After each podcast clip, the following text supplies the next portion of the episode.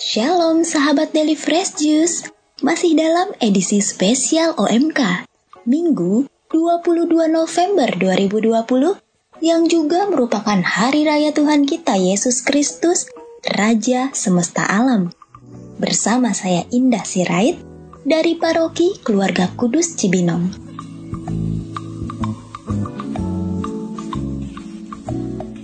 Renungan hari ini akan dibawakan oleh Antonius Ali dari Tangerang. Ali juga merupakan teman satu tim saya di salah satu program OMK Daily Fresh Juice. Yuk, langsung aja kita simak. Selamat mendengarkan.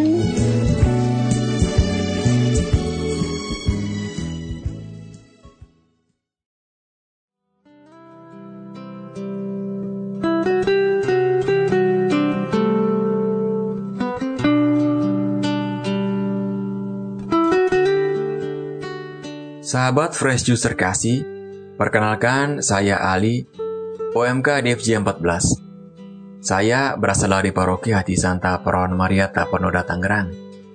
Baik, mari kita siapkan hati untuk meneguk jus segar hari ini yang diambil dari Injil Matius pasal 25 ayat 31 sampai 46.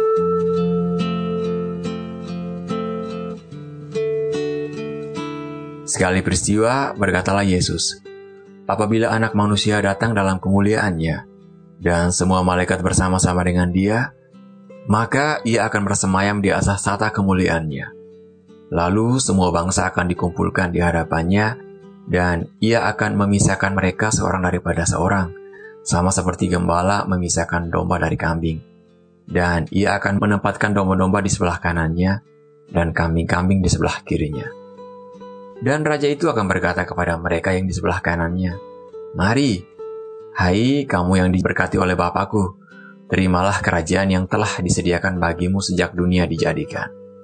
Sebab ketika aku lapar, kamu memberi aku makan. Ketika aku haus, kamu memberi aku minum. Ketika aku seorang asing, kamu memberi aku tumpangan.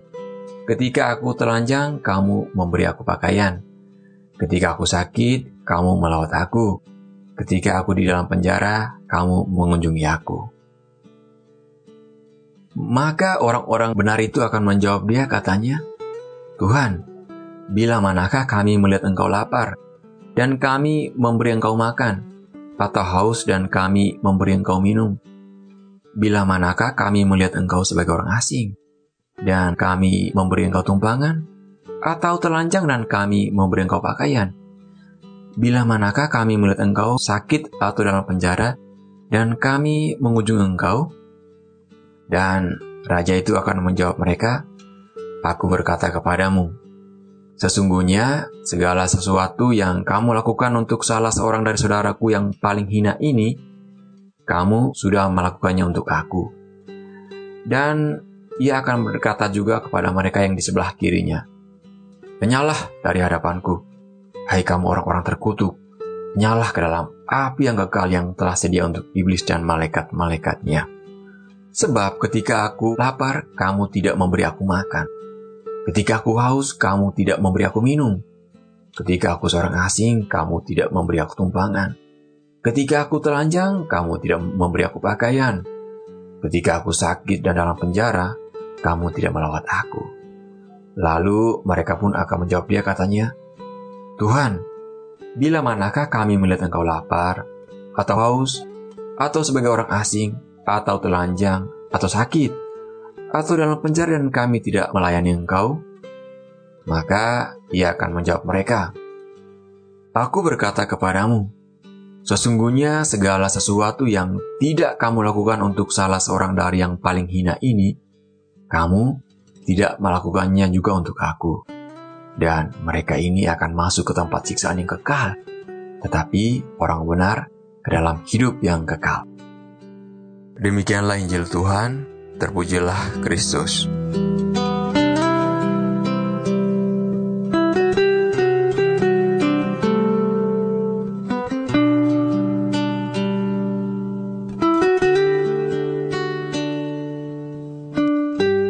Sahabat Precious terkasih, hari ini kita merayakan Hari Raya Tuhan kita Yesus Kristus Raja semesta alam. Injil hari ini membahas soal penghakiman terakhir. Tidak selalu mudah membicarakan suatu hal yang akan terjadi di masa depan, dan kita sedang berada di saat sekarang. Ini ibaratnya kita menonton orang minum jus di televisi. Mereka seruput jusnya, kita cuma kebagian menelan ludah. Tapi saya pikir Yesus tidak mem-PHP kita seperti itu. Ia malah ingin kita masuk dan sama-sama menikmati kerajaan Allah.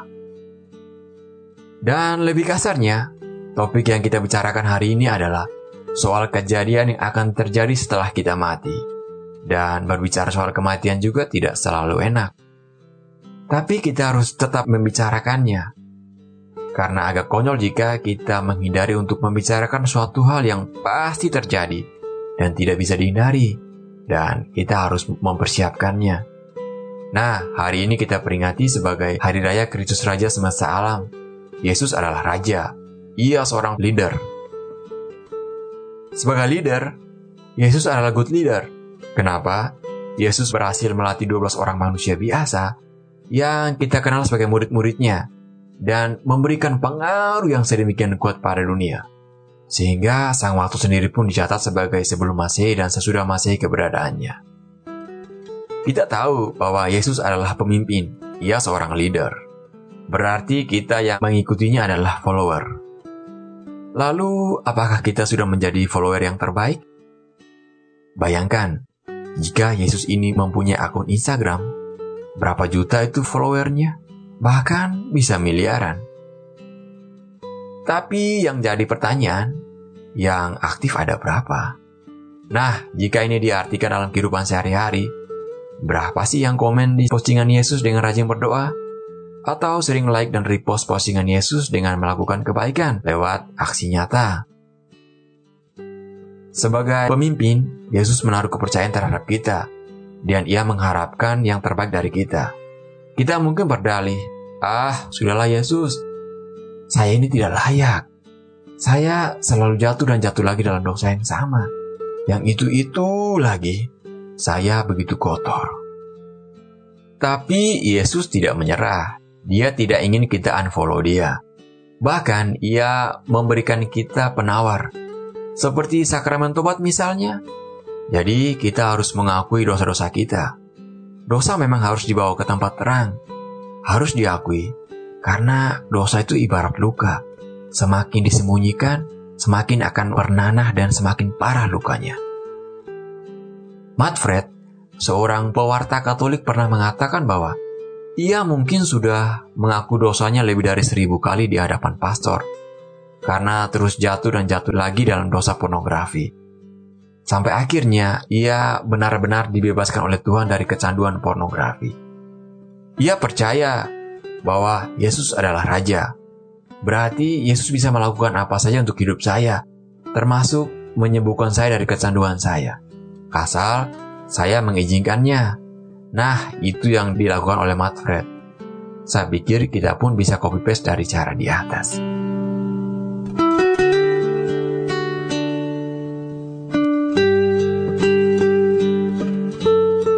Sahabat Fresh Juice terkasih, Yesus itu saking percayanya pada kita, kadang ia memberikan kita kebahagiaan, pun kadang ia membiarkan kita mengalami kesulitan-kesulitan dalam hidup. Ia percaya kita pasti akan bisa melewatinya. Yesus bahkan beri kita garansi. Ia berkata, Hei, jika kamu merasa letih dan lelah, mari datanglah kepadaku. Aku akan memberikan kelegaan kepadamu. Jadi masalah bukan dipandang sebagai hukuman dari Tuhan, tetapi sebagai latihan rohani untuk membentuk karakter kita.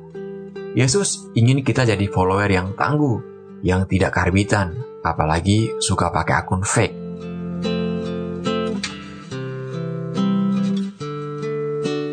Seberapa banyak orang muda hari ini yang jika ada masalah larinya ke ruang adorasi atau ke Gua Maria, atau tutup kamar dan berdoa. Sekarang ada masalah malah tutup kamar lalu update status di sosial media, dan tutup kuping jika orang tua panggil. Padahal update status saja tidak akan menyelesaikan masalah, apalagi jika dapat komen jelek Belum lagi sosok yang diharapkan like atau komen tidak kunjung merespon.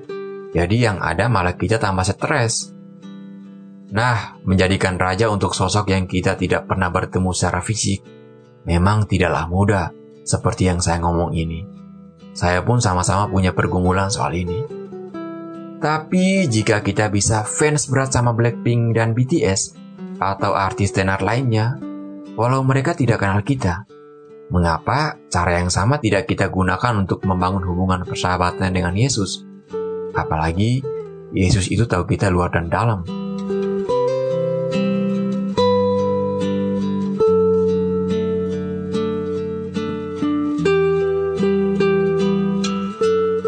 Dan ada dua hal yang dapat kita petik dari bacaan Injil hari ini. Yang pertama, jangan pelit.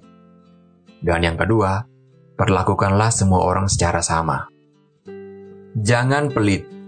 Ini kita bisa lakukan dengan memberikan persepuluhan atau jumlah yang kita bisa beri dari penghasilan kita.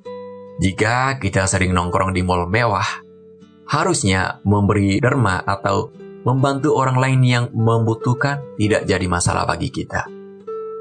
Pun bila kita ingin melakukan suatu kebaikan atau membantu orang lain, janganlah kita melihat-lihat subjek atau orang yang ingin kita bantu mulai dari pengaruhnya di masyarakat, posisi dalam pekerjaannya, bahkan sampai cara berpakaiannya.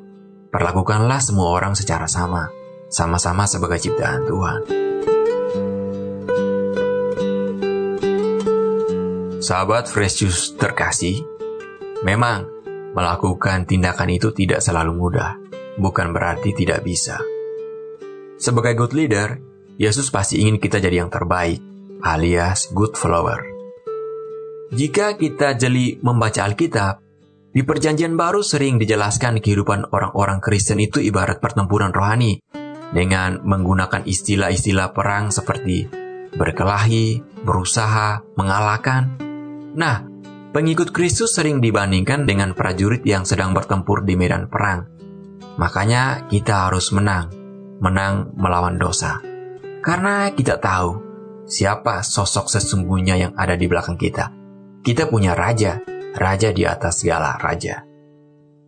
Jadi, mari kita belajar mengikuti dan berusaha melakukan apa yang Yesus ajarkan hari ini. Ya, coba yang sederhana dulu lah. Seperti berusaha untuk tidak pelit dan memperlakukan semua orang secara sama. Siapa tahu, itu akan memperbesar peluang kita berada pada kelompok domba, bukan berada di kelompok kambing, sesuai bacaan Injil hari ini.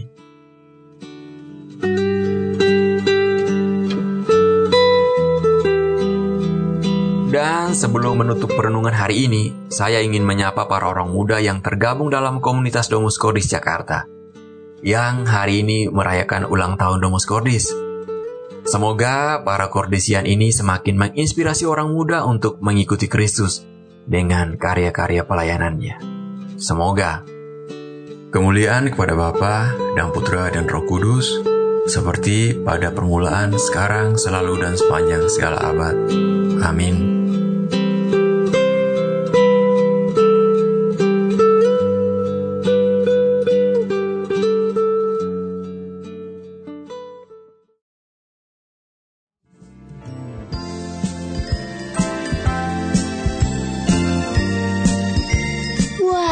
Terima kasih Ali untuk renungannya kali ini. Sangat menyegarkan. Terima kasih juga untuk seluruh sahabat setia Daily Fresh Juice. Bagi sahabat yang ingin bergabung dalam grup WhatsApp Daily Fresh Juice, yuk langsung aja kirim pesan via Instagram at salam fresh juice. Saya Indah mohon pamit. Selamat berhari Minggu. Tuhan Yesus memberkati.